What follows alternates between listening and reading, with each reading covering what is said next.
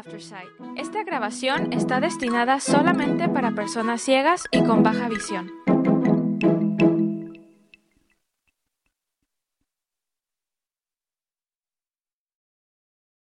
La programación regular de este podcast no está disponible en este momento. Esperamos que disfrute de esta transmisión especial de AINC. Gracias por acompañarnos. El día de hoy, martes 30 de enero 2024, a la lectura de Telemundo Denver. Mi nombre es Janet Beatty. Estos son los principales artículos que leeremos hoy. UPS planea recortar 12.000 empleos, citando una demanda más débil y mayores costos laborales, por Rob Wiley y NBC News.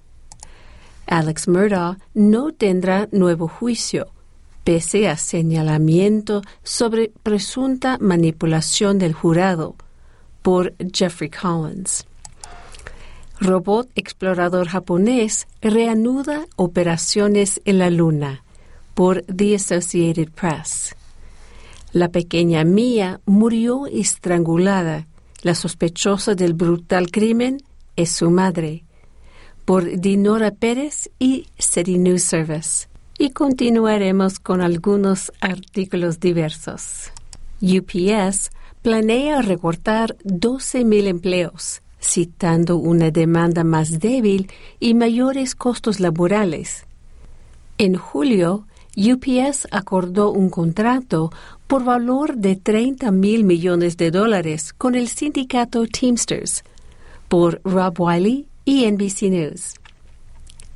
UPS anunció que recortaría 12.000 puestos de trabajo, alrededor del 2.4% de la fuerza laboral mundial de más de 500.000 personas de la compañía. El gigante de la logística dijo en su conferencia telefónica sobre resultados este martes que para el cuarto trimestre buscaba reducciones de costos por mil millones de dólares, citando una demanda más débil y mayores costos laborales sindicales.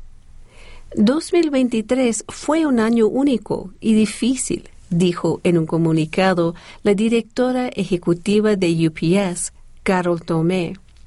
A pesar de todo, nos mantuvimos enfocados en controlar lo que podíamos controlar nos mantuvimos en la estrategia y fortalecimos nuestra base para el crecimiento futuro. La compañía registró unos ingresos de más de 24 mil millones de dólares frente a los más de 25 mil millones de dólares esperados, según las previsiones. Sus acciones cayeron más del 6% en las operaciones de este martes. En julio, UPS acordó un contrato por valor de 30 mil millones de dólares con el sindicato Teamsters, que elevó el salario promedio de los trabajadores a tiempo completo a 49 dólares la hora y 21 dólares la hora para los trabajadores perdón, a tiempo parcial. Alex Murdaugh no tendrá nuevo juicio pese a señalamiento sobre presunta manipulación del jurado. La jueza Jean Toll escuchó a los doce jurados y determinó que ningún comentario incluyó en su decisión de declarar culpable a Murdoch. Por Jeffrey Collins, The Associated Press. Columbia, Carolina del Sur. Una jueza de Carolina del Sur denegó el lunes la solicitud de Alex Murdaugh de realizar un nuevo juicio después de que su equipo de defensa acusó a un secretario del tribunal de manipular al jurado. La jueza Jean Toll dijo que no estaba seguro de si la secretaria del condado de Colleton, Becky Hill, estaba diciendo la verdad nunca habló con el jurado sobre el caso y dijo que se sentía atraída por el canto de sirena de la celebridad. Pero Toll dijo que los doce miembros del jurado que testificaron dijeron que cualquier comentario no influyó directamente en su decisión de declarar culpable a Murdoch. Toll dijo que después de revisar la transcripción completa del juicio de seis semanas, no podía anular el veredicto basándose en la fuerza de algunos comentarios fugaces y tontos de un secretario del tribunal que buscaba publicidad, porque no cambiaron activamente a los miembros del jurado. Los señalamientos que desechó la jueza una miembro del jurado que halló culpable a Murdoch de asesinar a su esposa e hijo testificó que cuando una asistente del tribunal le instruyó al jurado que preste atención a su comportamiento durante el juicio, hizo que Murdoch pareciera culpable y que ello influyó en su decisión. Pero los otros once miembros del jurado testificaron que su decisión de declarar a Murdoch culpable se basó únicamente en los testimonios, las pruebas y las leyes, y solo uno de ellos mencionó haber escuchado las instrucciones de la asistente Becky Hill. Los doce miembros del jurado hicieron el viaje de 145 kilómetros, 90 millas, desde el condado Colleton hasta Columbia para dar testimonios en promedio de unos tres minutos, mayormente preguntas simples de sí o no, sacadas del cuestionario del juez. Murda, hoy asesino convicto, abogado despojado de licencia y ladrón confeso que cumple una cadena perpetua, observó, vestido de uniforme naranja, de presidiario junto con sus abogados. La inusual audiencia de este lunes fue suscitada en parte por una declaración jurada de la primera miembro del jurado llamada a declarar. La mujer reiteró lo que dijo en agosto del año pasado, de que Hill le instruyó al jurado prestar mucha atención a la apariencia y conducta de Murdoch cuando declarase en el juicio. Ella pareció decir como que él ya era culpable, dijo la mujer, identificada solo como la jurado Z. Preguntada si eso influyó en su voto a favor de declararlo culpable, respondió sí, señora. Luego ratificó también otra cosa que dijo en su declaración de agosto, de que fueron los demás miembros del jurado, más que las instrucciones de la asistente, los que influyeron en su voto a favor de declarar culpable a Murdoch. Yo tenía mis dudas sobre la culpabilidad del señor Murdoch, pero voté a favor porque me sentí presionada por los demás miembros del jurado, aseveró. Los demás miembros del jurado entraron uno por uno a la sala y afirmaron que sus votos no fueron influenciados por nada ajeno a lo expuesto en el juicio, uno recordó también que Hill les pidió que presten atención al lenguaje corporal de Murdoch, pero aclaró que ello no le hizo cambiar de opinión. En Carolina del Sur, un veredicto de culpabilidad debe ser unánime. En un incidente sorprendente, un guardia de seguridad interrumpió la audiencia para decir que varios jurados habían podido ver el proceso en vivo en sus teléfonos celulares antes de declarar y que vieron el testimonio del primer jurado. Dos miembros del jurado luego admitieron haber usado sus teléfonos celulares antes que se los quitaran, pero insistieron en que las declaraciones de la jurada Z no les harán cambiar su testimonio robot explorador japonés reanuda operaciones en la Luna. Un vehículo japonés para explorar la Luna volvió a estar en marcha el lunes tras varios días de tensión porque carecía de la luz solar necesaria para generar electricidad. Por The Associated Press. La primera misión lunar japonesa alcanzó su objetivo con un alunizaje de precisión el 20 de enero, pero el vehículo quedó boca abajo, lo que impedía que la luz llegara a sus paneles solares. La Agencia Japonesa de Exploración Aeroespacial, o JAXA, anunció el lunes que había establecido comunicación con éxito con la sonda el domingo por la noche y que la nave había retomado su misión, tomando imágenes de la superficie lunar y enviándolas a la Tierra. Después de que un fallo de motor de última hora provocara un descenso más brusco de lo esperado del SLIM siglas en inglés, del módulo de aterrizaje inteligente para investigar la Luna, JAXA utilizó la energía de la batería para reunir todos los datos posibles sobre el alunizaje y el entorno del dispositivo. Después se apagó la sonda para esperar a que el Sol se elevara más en el firmamento lunar a finales de enero. Observaciones previas sugieren que la Luna podría haberse formado cuando la Tierra chocó con otro planeta.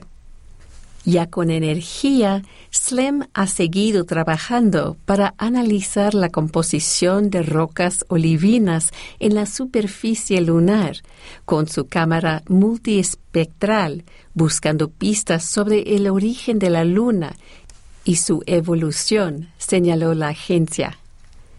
Una imagen en blanco y negra compartida por JAXA en redes sociales mostraba la superficie rocosa del satélite, incluida una roca que la agencia dijo haber llamado Kanichetoi, tras ver las imágenes iniciales.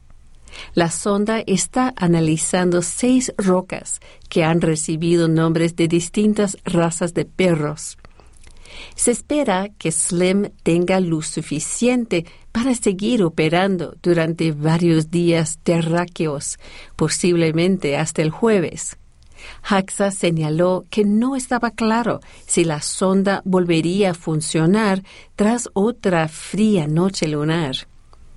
La nave quedó a unos 55 metros de su objetivo, entre dos cráteres cerca del cráter Scioli, una zona cubierta de rocas volcánicas. Misiones lunares previas han apuntado normalmente a zonas llanas de al menos seis millas de ancho. Slim llevaba consigo dos sondas autónomas que se separaron justo antes del alunizaje y que grabaron su descenso el entorno y otros datos. El alunizaje convirtió a Japón en el quinto país que llega a la superficie lunar, después de Estados Unidos, la Unión Soviética, China e India. La pequeña Mia murió estrangulada. La sospechosa del brutal crimen es su madre. La pequeña Mia González, de cuatro años, fue encontrada inconsciente en un vehículo. Su madre fue arrestada bajo sospecha de asesinato por Dinora Pérez y News Service. La muerte de su pequeña ahijada sorprendió a Noemi López. Con la foto y la cobija de la niña en sus brazos, comparte el dolor que siente al pensar en la niña. Era mi ahijada, pero la quería como mi hija, como mi propia hija, dice López. La pequeña Mía González, de cuatro años, fue encontrada inconsciente en un vehículo en la cuadra 4800 de Civic Center Way, un par de cuadras al sur de la autopista 60, en el este de Los Ángeles, el jueves 25 de enero fue trasladada a un hospital en el que murió posteriormente. Su madre, María Ábalos, de 38 años, fue arrestada bajo sospecha del cruel asesinato. La oficina forense determinó que la pequeña murió por estrangulación. Mi mejor amiga, mi hermana, está en la cárcel y mi niña muerta, dijo López. ¿Cómo lo voy a hacer yo? Ábalos vivía en la casa de López con su hija y novio. El lunes de la semana pasada se fue de la casa con la menor, tras decepcionarse de su pareja. Ella siempre la cuidaba, la amaba, la protegía, señala López. Yo no podía pensar, por mi cabeza nunca pasó que ella pudiera hacer algo mal a nuestra princesa. Las autoridades no han dado a conocer oficialmente el motivo del homicidio, pero los investigadores se han enfocado en el vehículo donde la encontraron. López cree que la pequeña estuvo muerta ahí por varios días antes de la llamada al 911 que supuestamente hizo la madre la niña. Su amiga indicó que ella no consumía drogas ni tomaba alcohol y no entiende por qué sucedió. Ellos tenían problemas y tal vez ella se desquitó con la niña, dijo López. La sospechosa permanece detenida y se presentará en la corte este martes. El IRS ya recibe declaraciones de impuestos y solicitudes de crédito por hijos. Lo que debes saber. Puedes recibir hasta 1.600 dólares por menor dependiente por Telemundo PR y Telemundo Digital. El Servicio de Rentas Internas, IRS por sus siglas en inglés, comenzó a recibir declaraciones de impuestos y solicitudes del crédito por hijos, Child Tax Credit, a partir del lunes 29 de enero del 2024. ¿Cuál será la cantidad a recibir por niño? El IRS informó que el crédito tributario adicional por hijos en 2023 puede ser de hasta 1.600 dólares. ¿Quiénes son elegibles? Parentesco, hijo A, hijastro A, hermano A, nieto A, sobrino A, etc. Residencia.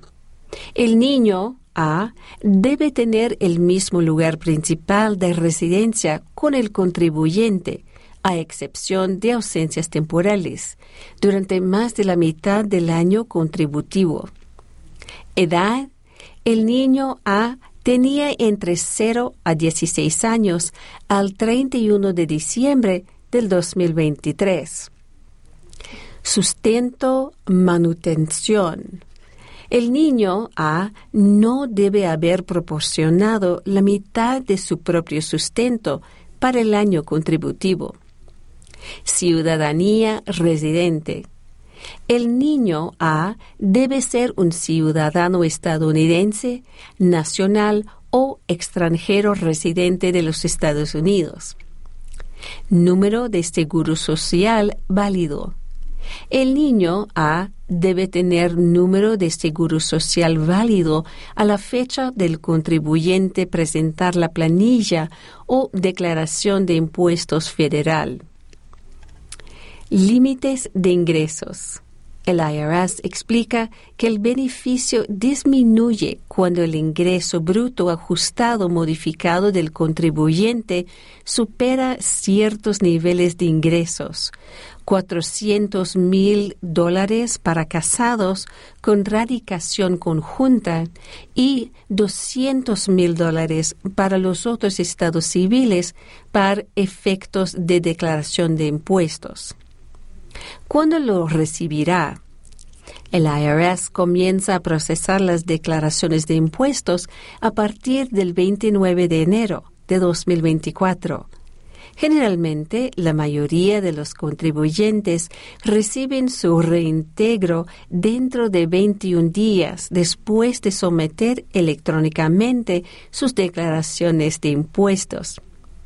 En cuanto a los créditos reembolsables, como el crédito tributario adicional por hijos, el IRS espera procesar estos reintegros para el 27 de febrero de 2024, si el contribuyente somete de manera electrónica la declaración y cumple con todos los requisitos.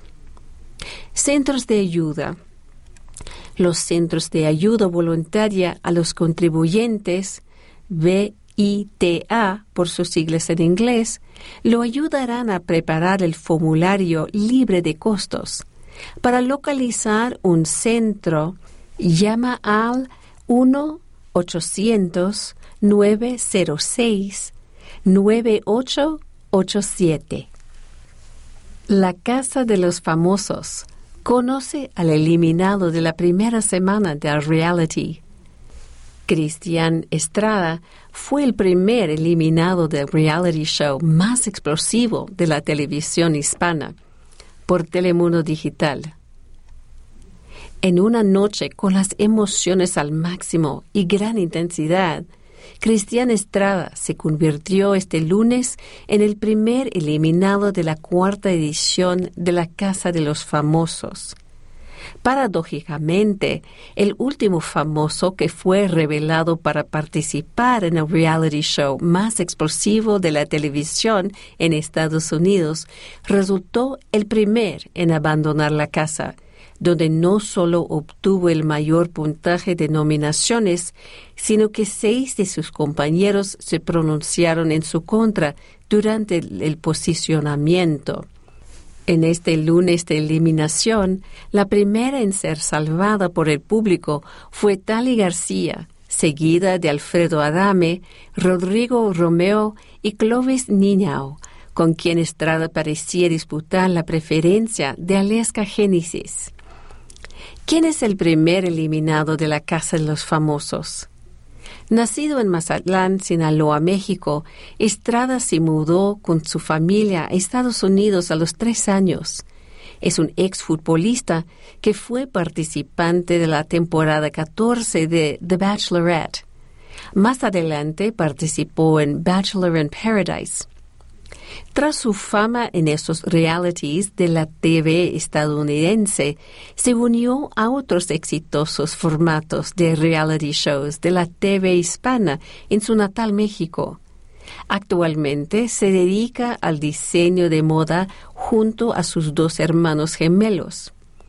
A principios del año concluyó su relación con Alicia Machado y antes sostuvo polémicos romances con Ferca, una actriz con la que tiene un hijo, y con Frida Sofía Guzmán. ¿Cómo ver la Casa de los Famosos? El popular reality que inició el martes 23 de enero se transmite de lunes a viernes a partir de las 7 a.m. Los diferentes shows de Telemundo presentan un resumen diario que cubre todos los momentos sobresalientes y más candentes de la casa más famosa de la TV hispana. Los domingos a las 7 pm la audiencia puede disfrutar de los Domingos de la Polémica de la Casa de los Famosos, un programa especial conducido por Jimena Gallego y Nacho Lozano, con Annette Kuburu, Manelik González y Horacio Villalobos como panelistas. Durante las tres horas en vivo presentarán un análisis de todo lo que sucede en la casa con la presencia de invitados especiales parientes y amigos de los huéspedes. A las 10 pm, Verónica Bastos y Carlos Adyan presentan Pica y se, extiende, perdón, un vistazo exclusivo a los mejores y más controversiales momentos en el mundo del entretenimiento y los realities, incluyendo la casa de los famosos. Super Nintendo y Harry Potter revelan detalles del nuevo parque Epic Universe de Universal en Florida. El nuevo parque, ubicado en el centro de Florida, está previsto abrir sus puertas con todas sus atracciones listas. Entérate de lo que ofrecerá. Universal Orlando Resort en Florida está listo para revolucionar el mundo de entretenimiento de parques temáticos con la inauguración de su proyecto más ambicioso, Universal Epic Universe, previsto para abrir sus puertas en 2025. Este nuevo parque promete llevar la experiencia de inmersión e innovación a un nivel sin precedentes, con más de 50 atracciones espectaculares, opciones de entretenimiento y gastronomía, así como tiendas únicas. Epic Universe no solo agregará un cuarto parque temático al exitoso resort en el centro de Florida, sino que también lo convertirá en un destino vacacional imprescindible.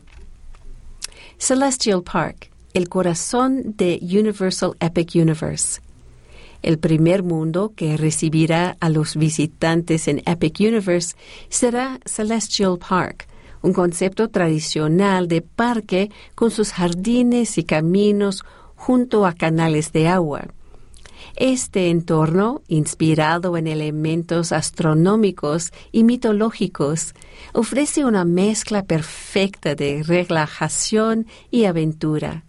Destacan atracciones como una montaña rusa en forma de cometa y una variedad de experiencias culinarias y comerciales portales a mundos extraordinarios.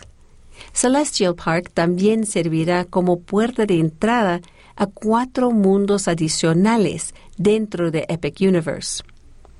Uno, The Wizarding World of Harry Potter, Ministry of Magic, una combinación única del París mágico de los años 20, de las películas de Fantastic Beasts y el icónico Ministerio de Magia británico.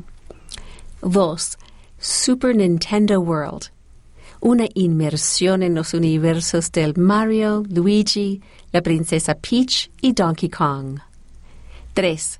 How to Train Your Dragon, Isle of Berk un mundo vibrante basado en la popular franquicia de películas. 4. Dark Universe, un territorio misterioso lleno de mitos y monstruos. Nuevas atracciones y experiencias en el Celestial Park. Starfall Racers, una montaña rusa de doble lanzamiento que alcanza velocidades de 62 millas por hora y alturas de 133 pies. Constellation Carousel, una atracción central donde los visitantes giran a bordo de constelaciones en una danza cósmica. Astronómica, un área de juegos interactiva con agua que funciona como una brújula hacia las maravillas de Epic Universe. Gastronomía y compras. Desde el restaurante Atlantic con vistas al parque hasta The Blue Dragon Pan Asian Restaurant, los visitantes disfrutarán de una variedad de experiencias culinarias las tiendas ofrecen una amplia gama de productos, incluyendo los de la Nintendo Superstar Store. El parque ofrecerá espectáculos de fuentes y mucho más, asegurando diversión continua desde el día hasta la noche. Universal Helios Grand Hotel al final de Celestial Park se encontrará un hotel único con 500 habitaciones, vistas impresionantes y una entrada exclusiva al parque temático. Tren de pasajeros de Amtrak se estrella contra camión en el condado Weld. El conductor del tren, un hombre de 42 años de Utah, no logró detener a tiempo e impactó al camión. Esta persona fue trasladada a un hospital con heridas graves y potencialmente mortales, según las autoridades, por Daniel Rangel, Telemundo Colorado. Kingsburg, Colorado.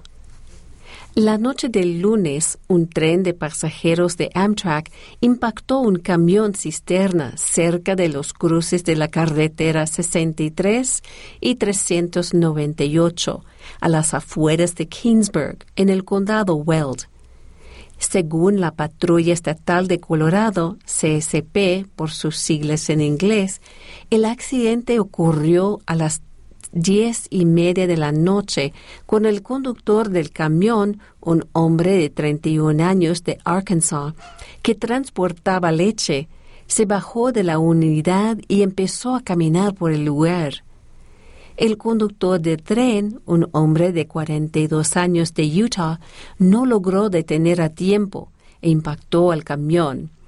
Esta persona fue trasladada a un hospital con heridas graves y potencialmente mortales, según las autoridades. La zona del incidente está bajo investigación y se desconoce la razón por la cual el camión estaba en las vías o cómo ocurrió el accidente. Insólito. Lo acusan de morder a su pareja y desprenderle un trozo de nariz. La víctima afirmó que esa noche el sospechoso entró al apartamento tras romper una ventana de vidrio. Por Telemundo San Antonio. San Antonio. Un hombre fue arrestado en San Antonio y enfrenta cargos criminales por una presunta agresión agravada contra su pareja y con quien tiene dos hijos. David Morin Jr., 34 años, fue ingresado en la cárcel en relación con los hechos que denunció la víctima, identificada como Mary Alice Vázquez Gallegos, de 31 años. En los documentos de la Corte del Condado Bexar se indica que la víctima y el sospechoso eran novios desde diciembre de 2022 y que convivían junto a sus dos hijos. El sospechoso tomó sus pertenencias del apartamento dos semanas antes de la supuesta agresión y no se habían comunicado entre sí. De acuerdo con el reporte, el 24 de julio de 2023, el sospechoso estuvo llamando a la víctima toda la noche y ella no contestó el teléfono. La víctima afirmó que esa noche el sospechoso entró al apartamento tras romper una ventana de vidrio junto a la puerta principal. Cuando el sospechoso ingresó, según los documentos de la corte, observó documentos laborales que pertenecían a la víctima para trabajar en un club exótico para caballeros. El sospechoso agarró a la víctima por la garganta y la presionó durante casi diez segundos. Luego la agarró por los hombros, se acercó a su rostro y mordió la nariz de la víctima, arrancándole un trozo. El sospechoso se fue del lugar dejando el pedazo de la nariz de la víctima tirado en el suelo, según los documentos. La víctima fue referida a un cirujano plástico. Evento perturbador. Policía de Boulder encuentra a perro atacando a su dueño en la calle y disparan contra la mascota. A pesar de haber sido apuñalado y herido de bala varias veces, el perro se levantó y atacó a los oficiales por segunda vez antes de que le dispararon nuevamente. Por Daniel Rangel, Telemundo Colorado. Boulder, Colorado. Vecinos de la cuadra 3200 de Palo Parkway quedaron horrorizados el domingo a las 8.17 am al ver que un perro atacaba a un hombre. Oficiales de la policía llegaron al lugar e intervinieron para finalizar el ataque. Según el reporte de las autoridades, la víctima era el dueño del canino e intentó sujetarlo para que no atacara a nadie más. En medio de la emergencia, uno de los vecinos usó un cuchillo de cocina para apuñalar dos veces a la mascota, pero ésta siguió mordiendo a la víctima.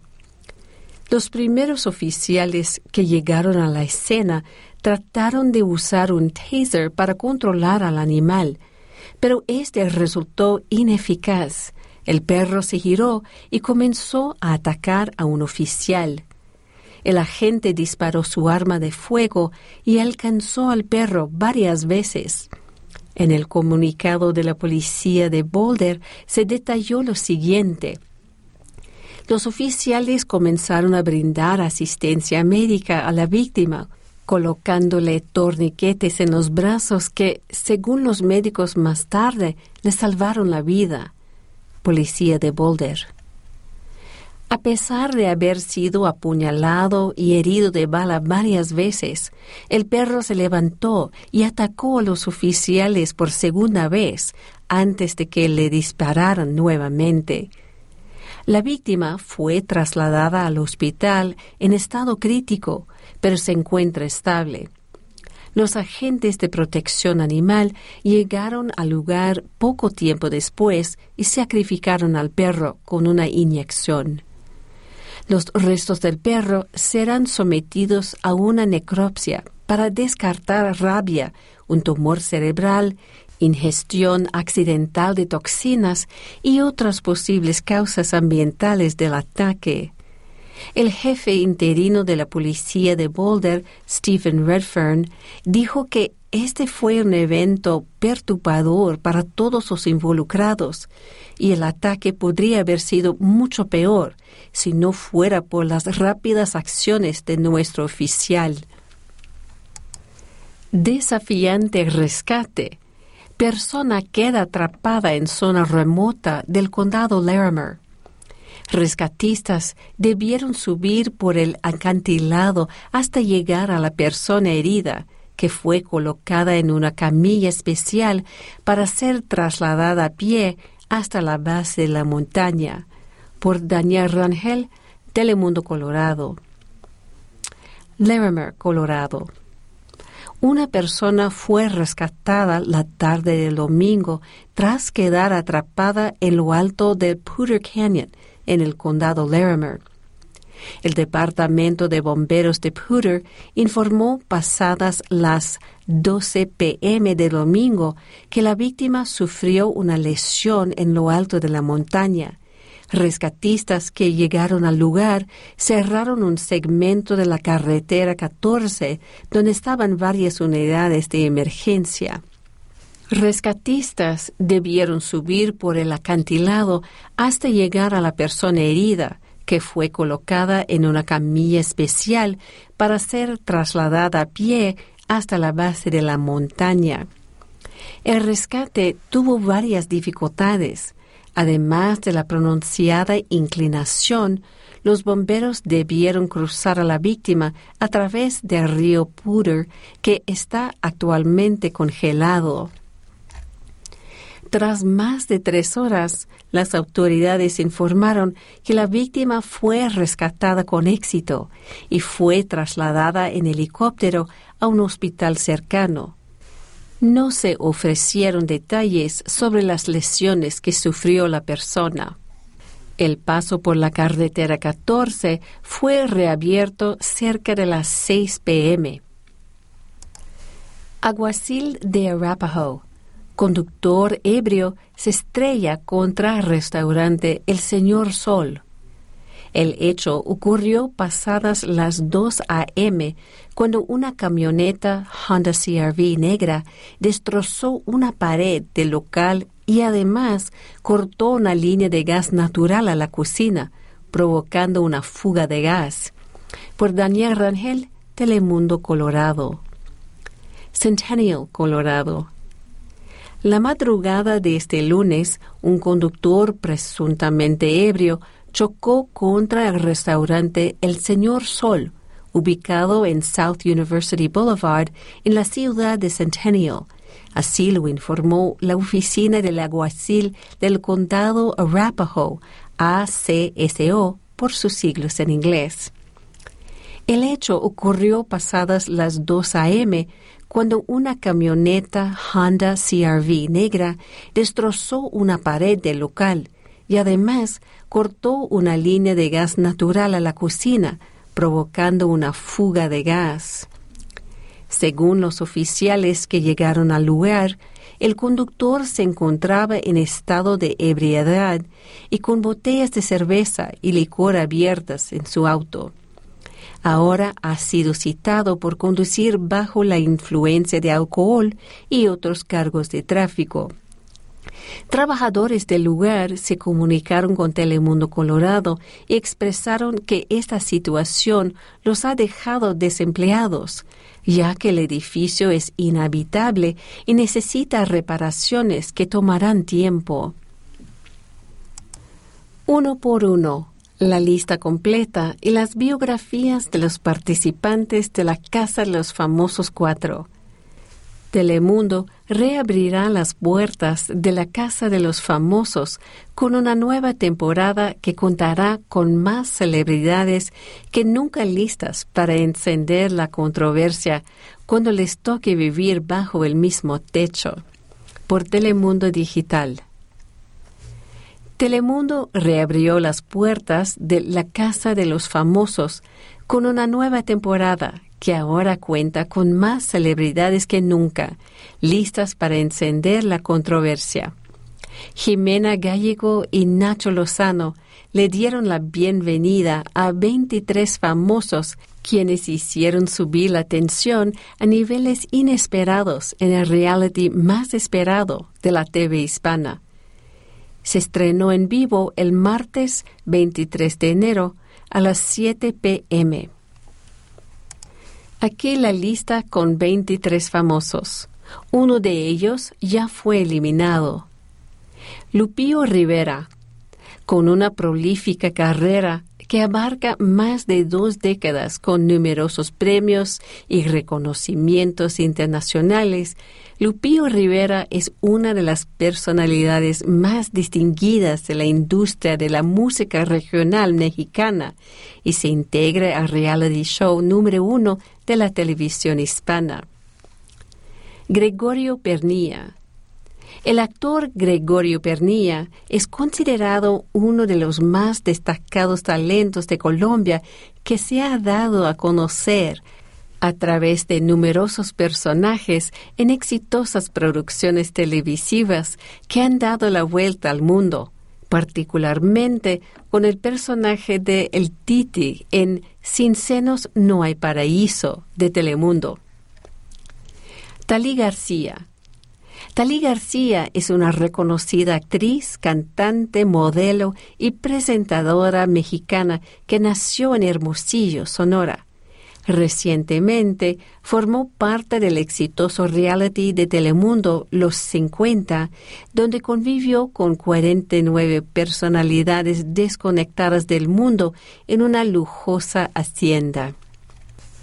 Maripili Rivera María del Pilar Maripili Rivera Borrero es actriz, modelo y presentadora de televisión puertorriqueña. Pedro La Divasa Figueira.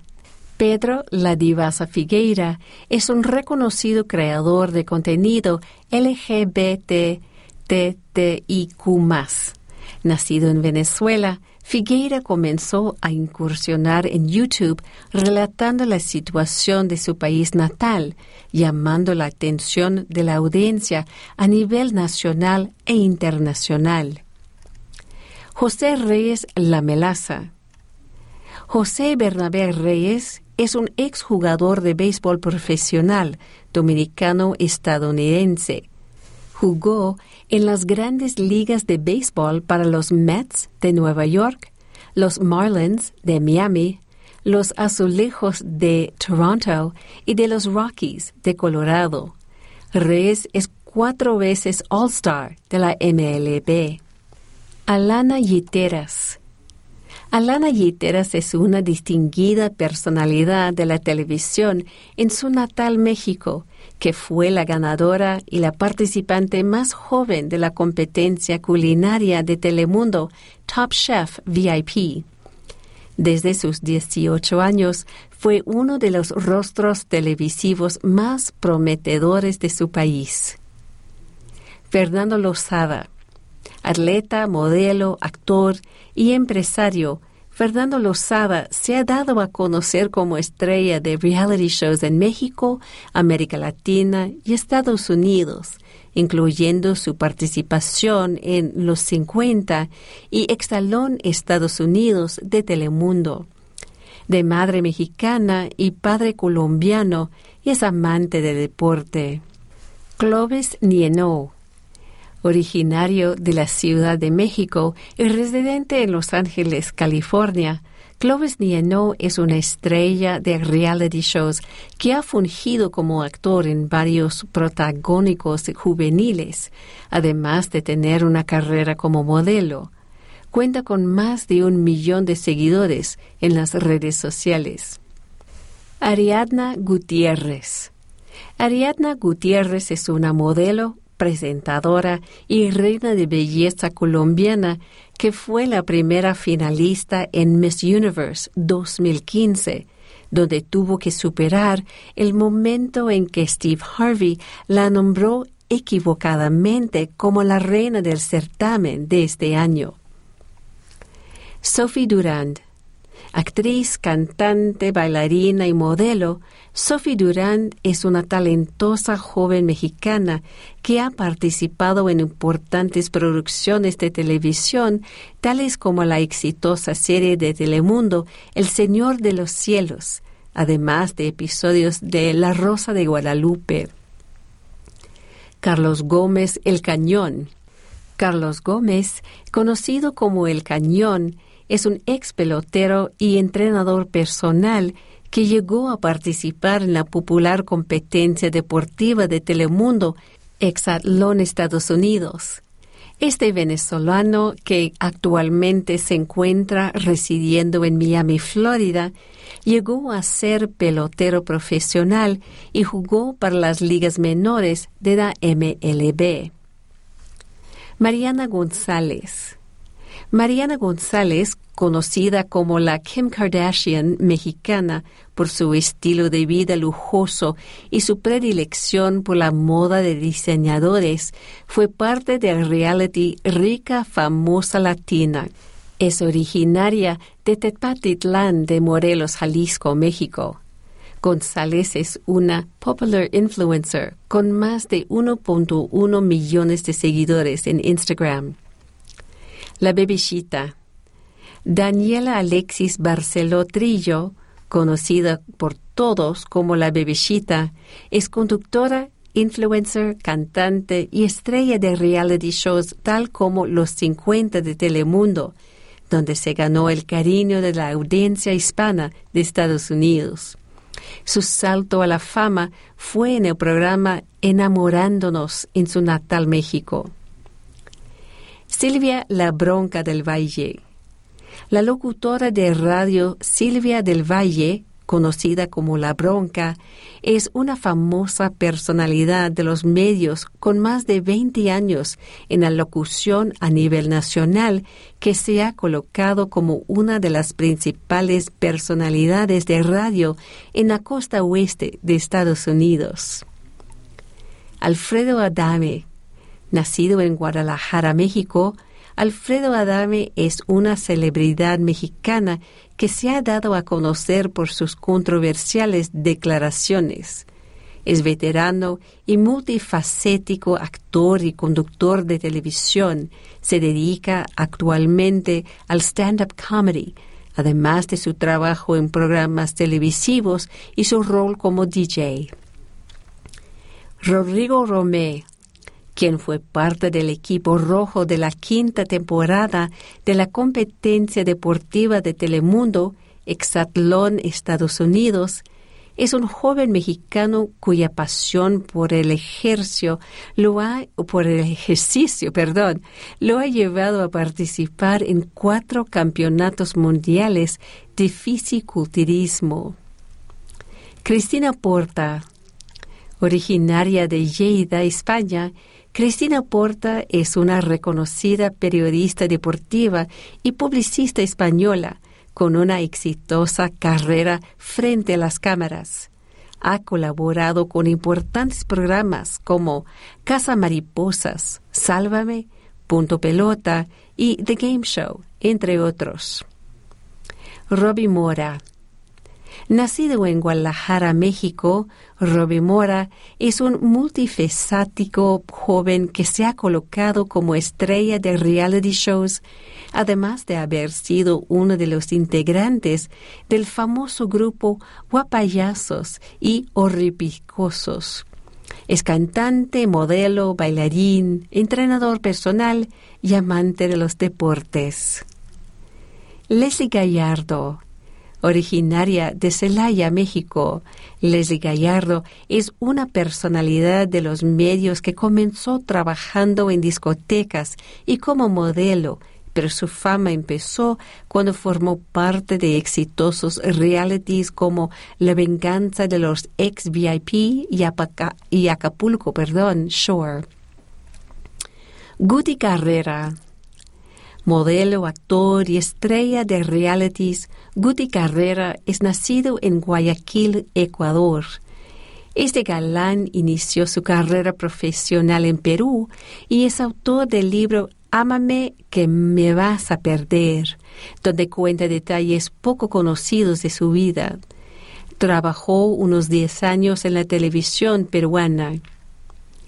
Aleska Génesis la modelo y empresaria Aleska Genesis es una figura que ha sido titular en los principales medios de comunicación. Esta venezolana ha desfilado para importantes diseñadores y casas de moda de reconocimiento mundial y se considera un ícono de la moda tras su paso por el New York Fashion Week y el Miami Swim Week. Cristian Estrada, Cristian Estrada, nacido en Mazatlán, Sinaloa, México, se mudó con su familia a Estados Unidos a los tres años. Es un exfutbolista que fue participante de la temporada 14 de The Bachelorette. Más adelante participó en Bachelor in Paradise. Fue el primer eliminado de la casa el 29 de enero de 2024. Situación de rehenes termina de la peor manera en Fort Collins. Dos muertos por presunto caso de homicidio-suicidio. Un equipo SWAT llegó a la escena, pero debieron esperar hasta que se redactara una orden de registro que les permitiera ingresar en la casa. Por Daniel Rangel, Telemundo Colorado. Fort Collins, Colorado. La tarde del lunes 29 de enero, la policía de Fort Collins recibió una llamada de una persona diciendo que creía que su esposo estaba reteniendo a un conocido contra su voluntad en una casa del 2900 de Middlesbrough Court. Momentos después, dos personas fueron encontradas sin vida dentro de la residencia.